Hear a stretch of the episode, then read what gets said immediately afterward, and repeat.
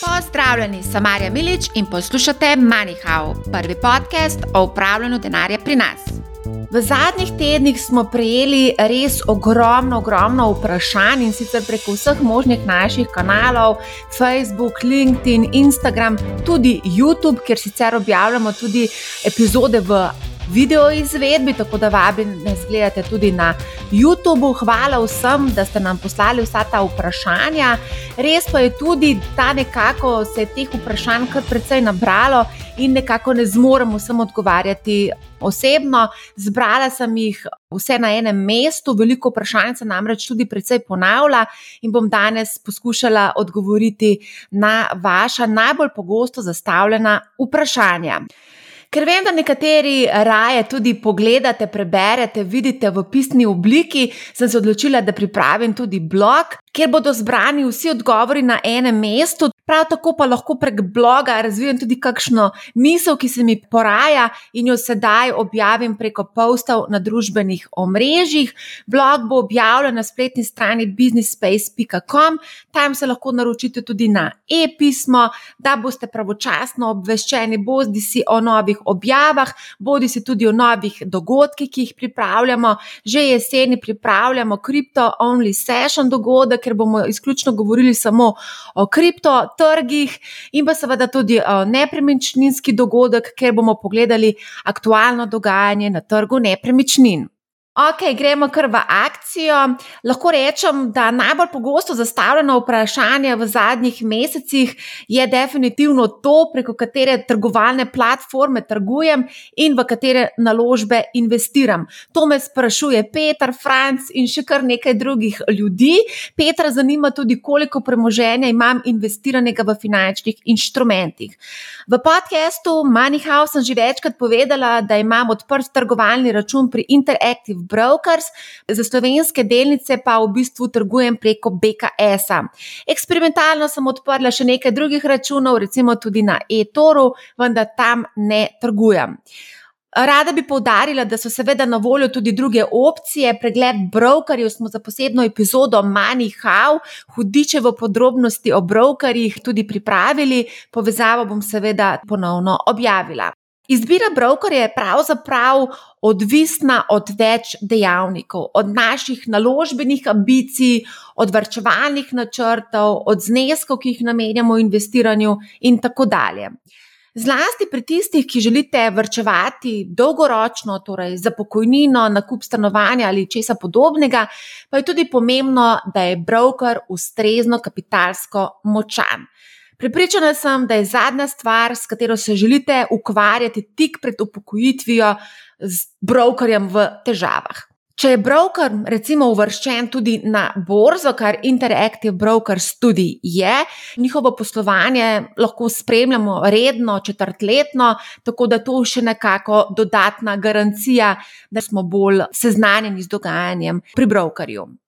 Pomembno, recimo, za me konkretno je tudi to, ko sem izbirala brokerja, definitivno dostop do nabora trgov, na katere želimo investirati, in pa seveda, da je cenovno relativno ugoden oziroma konkurenčen ta broker.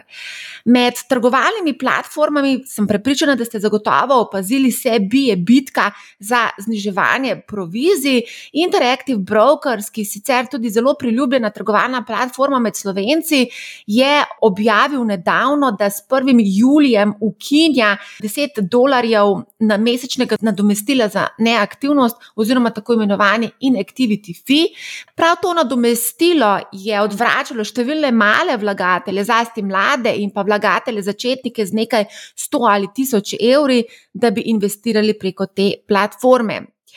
Veliko krat dobim tudi odzive od mladih, da Interactive Brokers ni najbolj seksi trgovalna platforma, da ni najbolj user-friendly in da bi lahko več naredili, seveda, na user experience. Res je.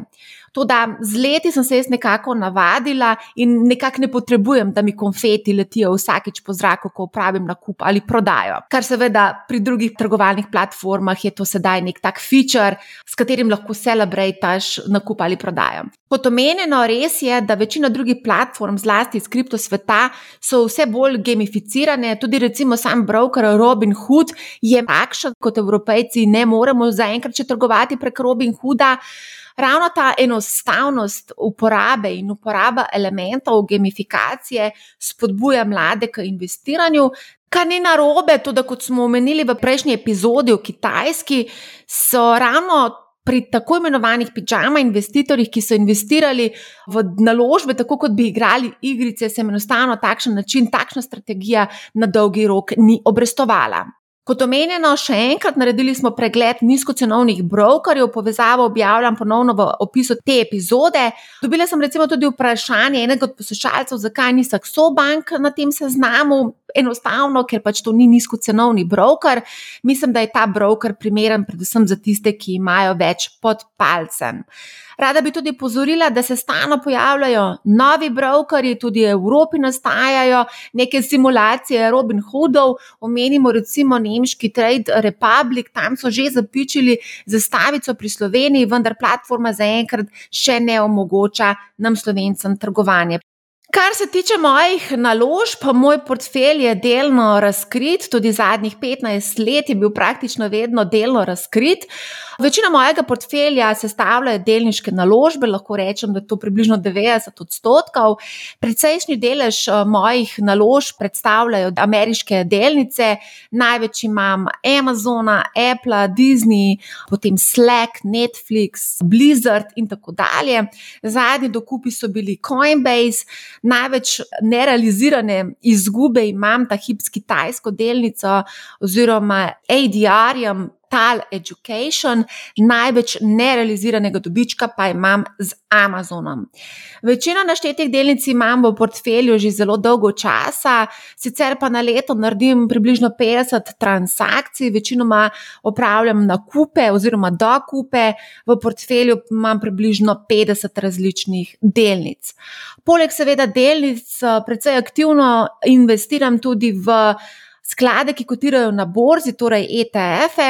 Največji delež seveda predstavlja globalno razpršeni ETF in sicer iShare Score MSCI World, oziroma če vam povem tiker IVDA, dvojni V. Imam tudi nekaj nišnih ETF-ov, vezano predvsem na gaming in e-sport, pa nekaj regijsko razpršenih, zlasti Evropa in Kitajska. Manjši del mojega portfelja predstavljajo tudi slovenske delnice. Imam praktično v večino slovenskih blučipov investiran, torej Krka, Petrol, pozavarovalnica Sava, zavarovalnica Triglav, Cinkarna Cele, Luka Koper in pa NLB. S tem, da sem NLB kupovala preko Interactive Brokers, se pravi globalna potrdila o lastništvu, sem kupila in ne delnice. Ja, manjši del portfelja predstavljajo tudi vzajemni skladi in pa skladi življenjskega cikla. Od 5 do 10 odstotkov, pa imam tudi nekaj špekulativnih naložb, večinoma so to kriptovalute. Največ imam Bitcoina, Etra in EOSA, zadnje pace na kriptotrgu, pa sem seveda izkoristila tudi za dokup Bitcoina, predvsej pa sem povečala nakupe v Ether.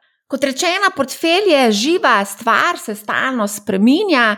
Na borzo vlagam že več kot deset let, sem izrazito nagnjena k tveganju in moj naložbeni cilj lahko rečem, da je predvsem dolgoročen, torej 20 let in več.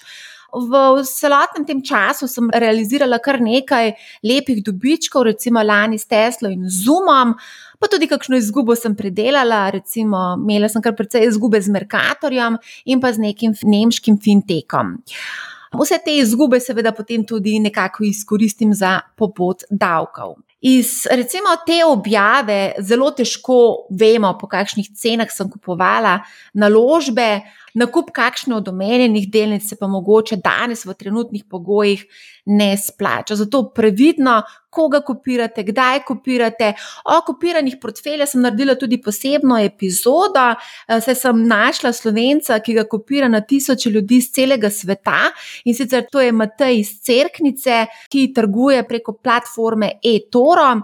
Eh, seveda, tam v podkastu, oziroma v tej epizodi, tudi opozarjam, na kaj je potrebno paziti, če in ko in kopirate portfelje od drugih ljudi, pasti pa se tudi skrivajo na sami platformi eToro, zato previdno. O tem smo tudi nekaj govorili v posebni epizodi o brokerjih, tako da vas vabim, da prisluhnite te epizodi in se potencialno izognete nevarnosti, ki pretijo tam na male vlagatelje. Gremo na drugo vprašanje. V prejšnji epizodi sem objavila zemljevid toka denarja.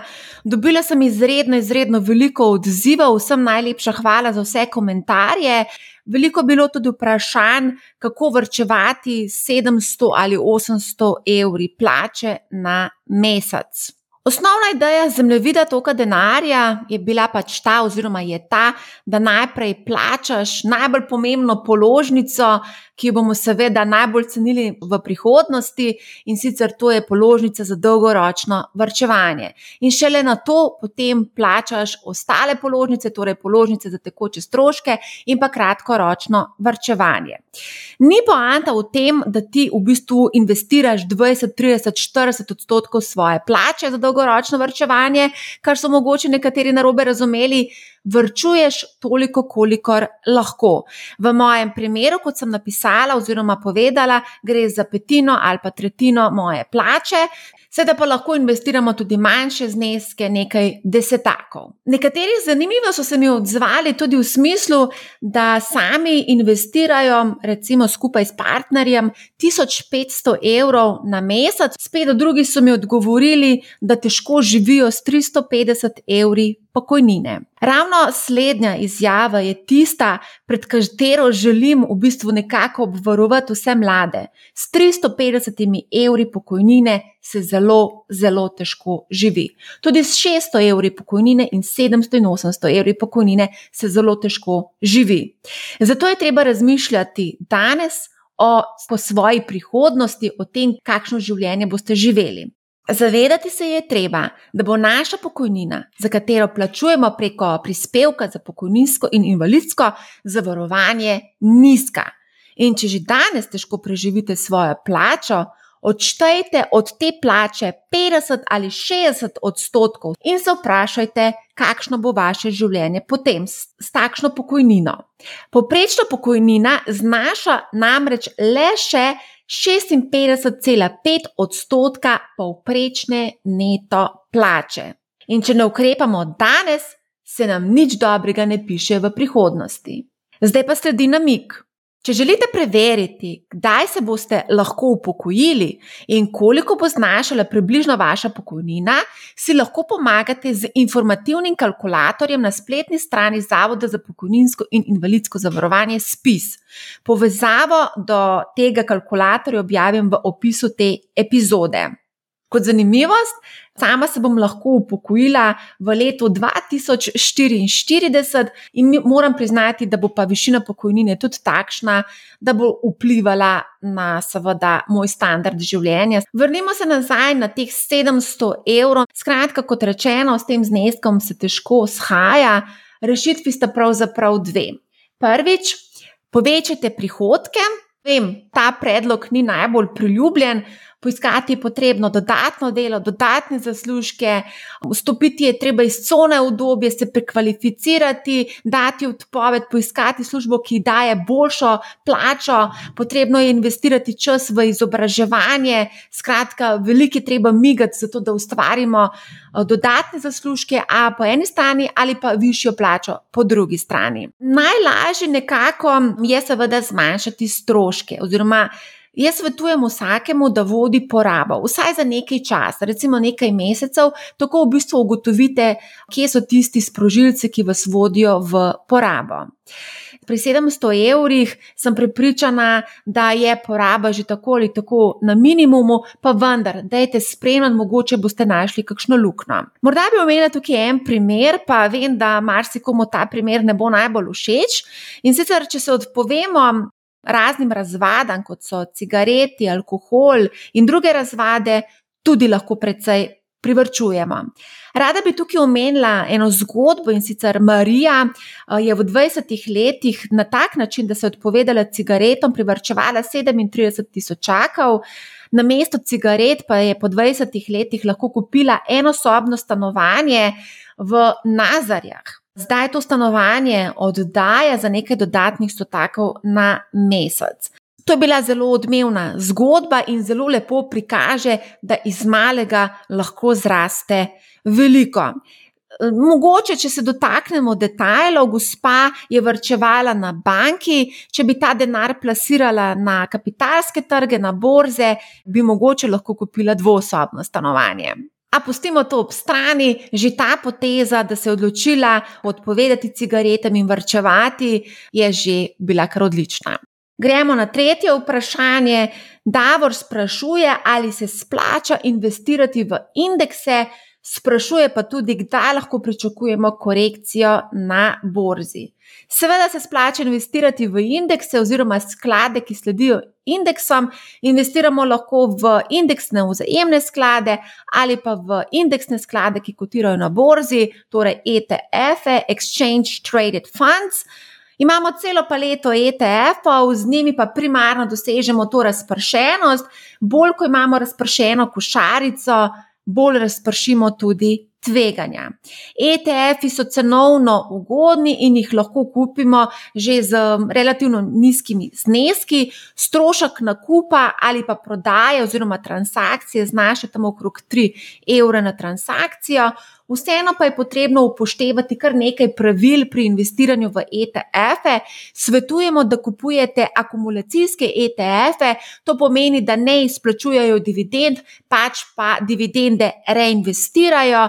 Glavni razlog je predvsem davčni in sicer tako prihranite na času pri izpolnjevanju davčne napovedi. Eh, bodite seveda pozorni tudi na velikost ETF-a. Pri manjših ETF-ih se lahko zgodi, da jih enostavno zaprejo, lahko pa so tudi dražji. Torej, preverite tudi strošek poslovanja sklada, to je kratica TER, Total Expense Ratio. Začetnikom svetujem investiranje v globalno razpršeni ETF. Omenila sem danes že iShare Score MSCI World oziroma ticker IVDA. Seveda pa lahko izbirate regijsko ali panožne ETF-e. Paleta je res pestra. Svetujem, da si pogledate spletno stran justetf.com. Zanimivo pa je tudi to, da se veliko poslušalcev obrača na nas, tudi Luka Denimo, ki želi na vsak način investirati v ameriške sklade, kot so recimo Vanguard ali pa Ark Invest. Ja, ti ETF-ji nimajo tako imenovani ključni informacijski dokument oziroma kit, ki je potreben za to, da se lahko tržijo evropskim vlagateljem. Zato večina ETF-ov, katerih domicilna država je ZDA, evropejci ne moremo kupiti. Tehnično gledano, pa kot smo že omenili v podkastu o ETF-ih, pa so slovenski brokeri nekako našli luknjo in sicer prek njih lahko kupimo tudi ameriške ETF-e, vendar seveda moramo podpisati tako imenovani dokument, obratna solicitacija oziroma dokument, s katerim v bistvu potrjujemo, da smo seznanjeni z vsemi tveganji, ki jih sprejemamo z investiranjem v to vrstne naložbe. To da, zdaj pridemo na drugo stran. Ali je smiselno investirati v te ameriške ETF-e? Če govorimo, da bi investirali preko domačih brokerjev s podpisom tega dokumenta, je seveda treba upozoriti tukaj na stroške. Stroški so lahko precej visoki. Poleg tega, glede na to, da kotirajo v Ameriki, je potrebno upoštevati tudi menjalni tečaj, saj ti skladi kotirajo v dolarjih. Kot rečeno, evropske različice priljubljenih ameriških ETF-ov eh, lahko kupimo tudi na evropskih tleh preko našega brokerja v evrih in tudi po zelo ugodnih cenah. Kot rečeno, obiščite spletno stran Just ETF in boste našli primerne naložbe. Seznam ETF-ov pa smo seveda objavili tudi na naši spletni strani, povezavo bom seveda objavila tudi v opisu te epizode. Drugi del vprašanja se nanaša na korekcijo, torej kdaj lahko pričakujemo upad tečajev. Ja, skoraj vsi naložbeni razredi so trenutno precej zabeljeni, in ravno zaradi tega je v bistvu v tem trenutku potrebno imeti bolj dolgoročni horizont, kot pa tri ali pa pet let. Bolj pesimistični vidijo obdobje sedmih let, celo negativne poprečne letne donosnosti, vendar pa vseeno ne pozabimo, korekcije in božni zlomi so del božne realnosti. Bolj ključno je, da takrat ne odreagiramo panično in da v bistvu nadaljujemo svojo naložbeno, dolgoročno naložbeno strategijo. Kar se tiče popravkov tečajev na zdol, da lahko jih pričakujemo korekcije od 5 do 10 odstotkov, se pravzaprav dogajajo precej pogosto. Zadnja takšna korekcija je bila konkretno 19. julija. Na ta upad so se mediji odzvali precej burno in so nekako bili v pričakovanju borznega. Eh, zloma, no, božni zlom se ni zgodil, so se pa tečaji potem odbili proti novim rekordom. Večji upadi, torej več kot 10 odstotkov, pa imamo na vsake nekaj let. Recimo lani, marca 2020, smo imeli 35 odstotni upad, takrat je izbruhnil koronavirus, tudi leta 2008 smo bili priča 60-70 odstotnemu upadu tečajev, vse od leta 2008, oziroma od dna doseženem v 2009, pa tečaji praktično rastejo, torej imamo 13 let bikovskega trenda. Četrto vprašanje. Daniel sprašuje, v katere delnice se splača danes investirati. Kar se tiče investiranja v delnice, je vsekakor potrebno več znanja, potrebno se je poglobiti v številke, izkaze poslovnega izida, v načrte podjetij, pogledati je potrebno seveda panogo, v kateri podjetje deluje. Če investiraš v eno delnico, je tveganje bistveno večje, kot če kupiš recimo razpršeni delniški ETF. Na začetku sem omenila, v katere delnice sama investiram vse stvar preferenc, katere podjetja so vam blizu, v katerih vidite potencial in tako dalje. Zato za odgovor na takšno vprašanje svetujem na kratko DYOH, torej Do Your Own Homework. Dobila sem pa tudi eno zelo zanimivo vprašanje ob katerem sem bila malce presenečena. Poslušalec želi ostati anonimen, je 24 let star, ima svoje podjetje, trenutno zasluži 4000 evrov neto na mesec, ima okoli 400 evrov stroškov, 100 evrov dodatno porabi na Mastercardu, pravi, da vrčuje v zlatu in srebru, okrog 400 evrov preko trajnika kupuje pa tudi delnice preko Revoluta, kjer se pač pritožuje, da je spektr naložb omejen, sprašuje pa, kaj storiti. Skrbi ga tudi, da morda v prihodnje ne bo v tako dobri kondiciji, kot je sedaj. Ja, Dragi anonimnež, vesela sem, da tudi mladi zaslužijo tako lepe zneske.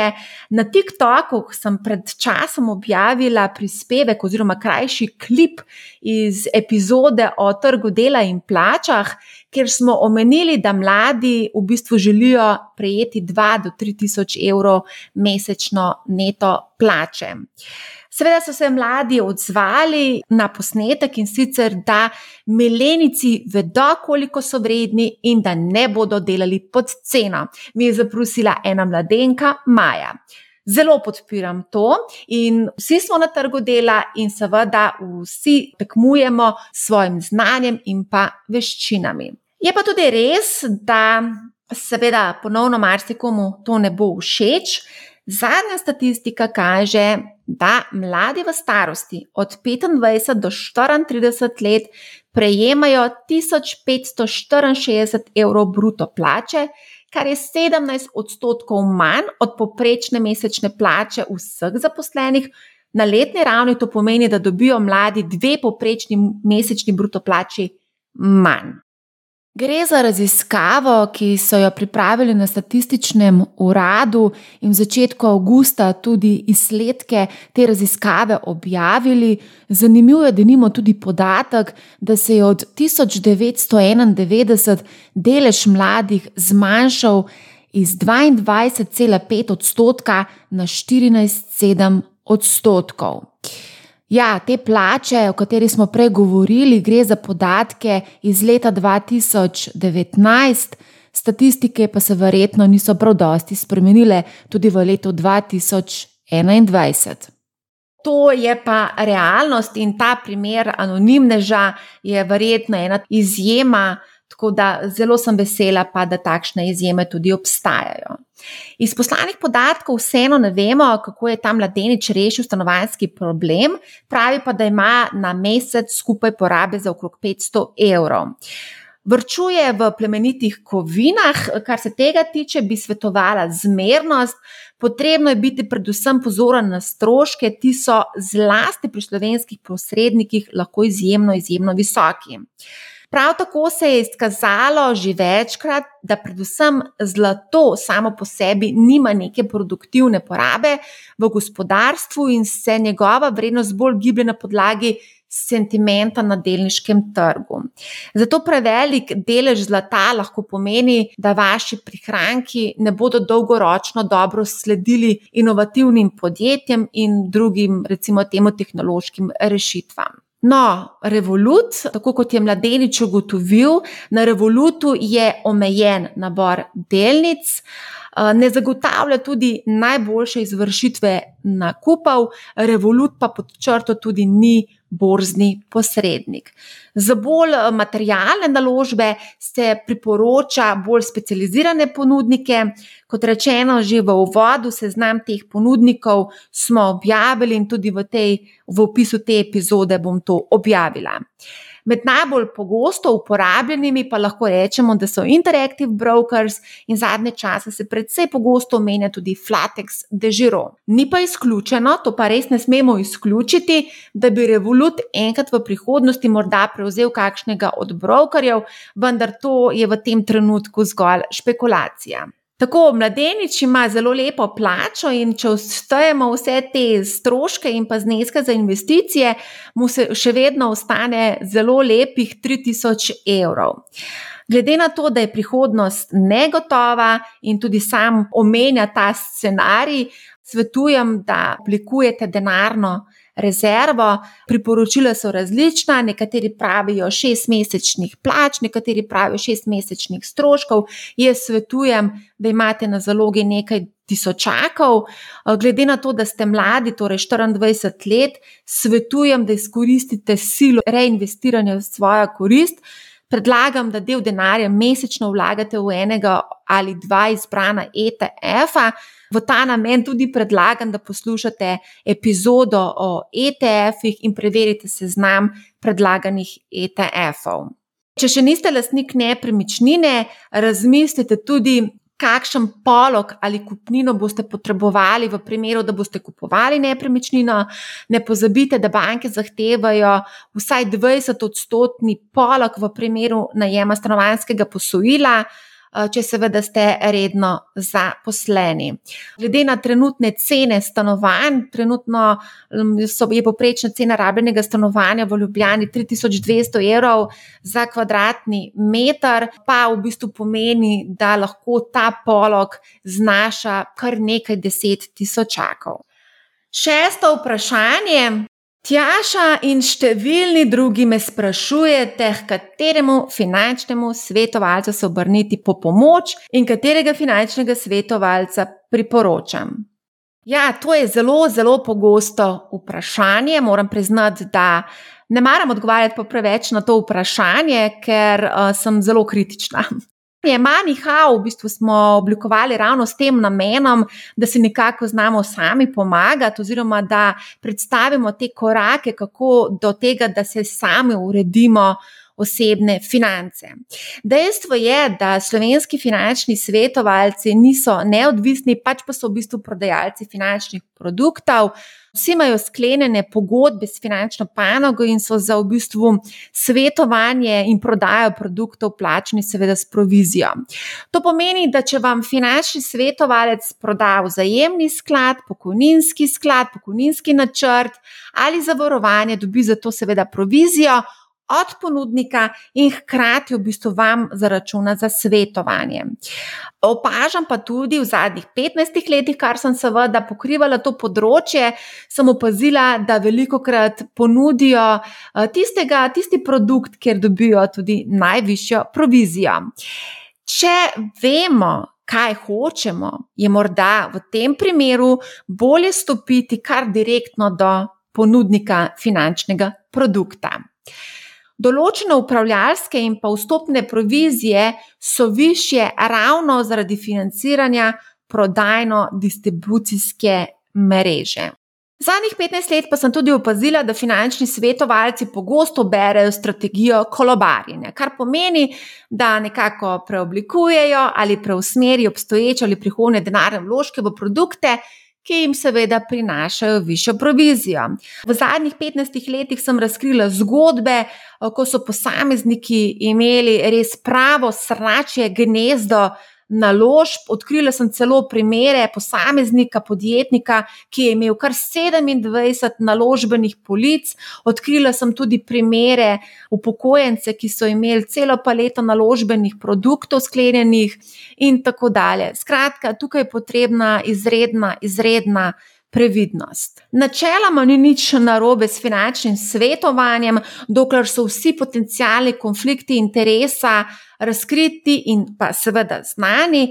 In če recimo nek svetovalec poskuša na vsak način prodati nek produkt, ga ne mudoma vprašajte, ali so v zadju kakšne finančne koristi za njega in zakaj ta produkt. Boljši od drugih. Bodite radovedni, bodite tečni in zahtevajte pojasnilo če že za to plačate. Številni, ki mi pišete, iščete v bistvu nekakšno bližnjico in vidite rešitev v finančnem svetovalcu. Pogosto, seveda, se izgovarjate, da nimate časa ukvarjati se s svojimi financami. Tu se zelo hitro lahko ujamete v past, če boste prišli s takšnim odnosom do finančnega svetovalca, ki še enkrat predstavlja nekako distributerja finančnih produktov, ste mu odprli vrata, da vam proda tisto, kar njemu najbolj ustreza.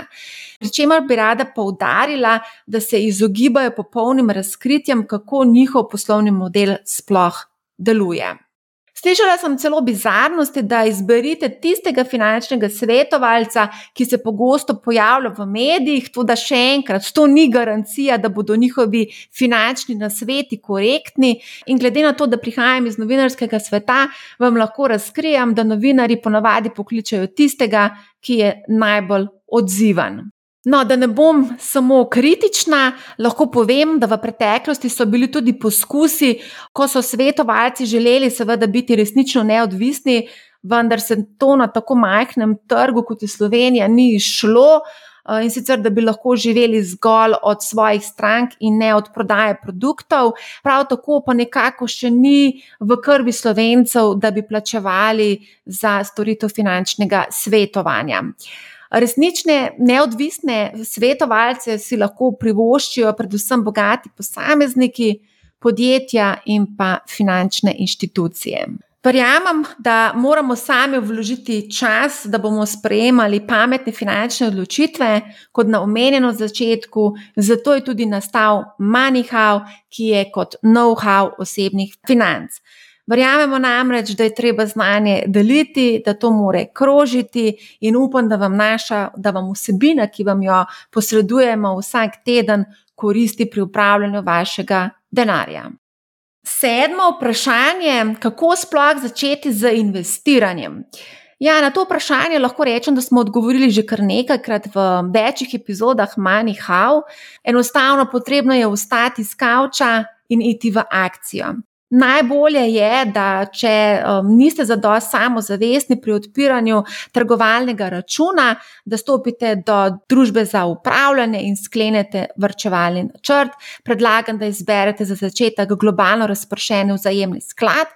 Za vse tiste, ki želite pa pač sami investirati, predlagam, da odprete trgovalni račun pri enemu od brokerjev in začnete enostavno kupovati globalno razpršene ETF-e. Ko boste dobili samozavest, potem dodajate tudi kakšne druge ETF-e, bodi si regijske ali panožno razpršene, tisto, kar pač vam najbolj ustreza.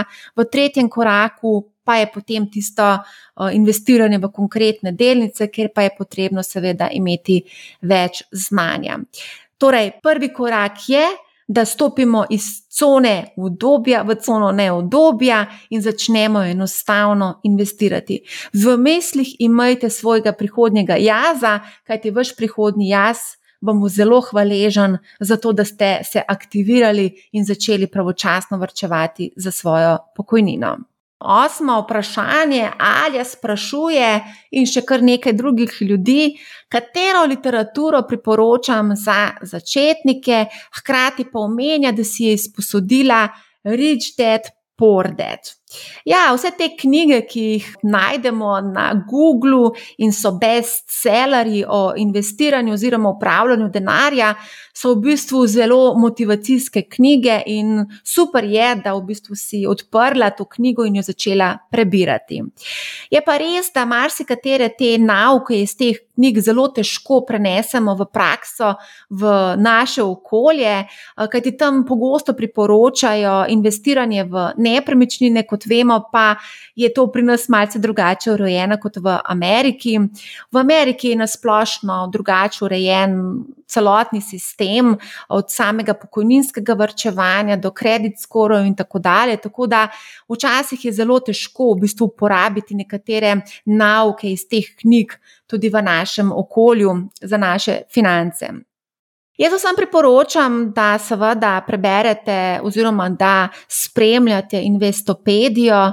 Tam je cela zakladnica znanj, video posnetkov, obrazložitev, pojasnil. Res dobite zelo veliko koristnih informacij, tudi zelo neodvisno predstavljenih.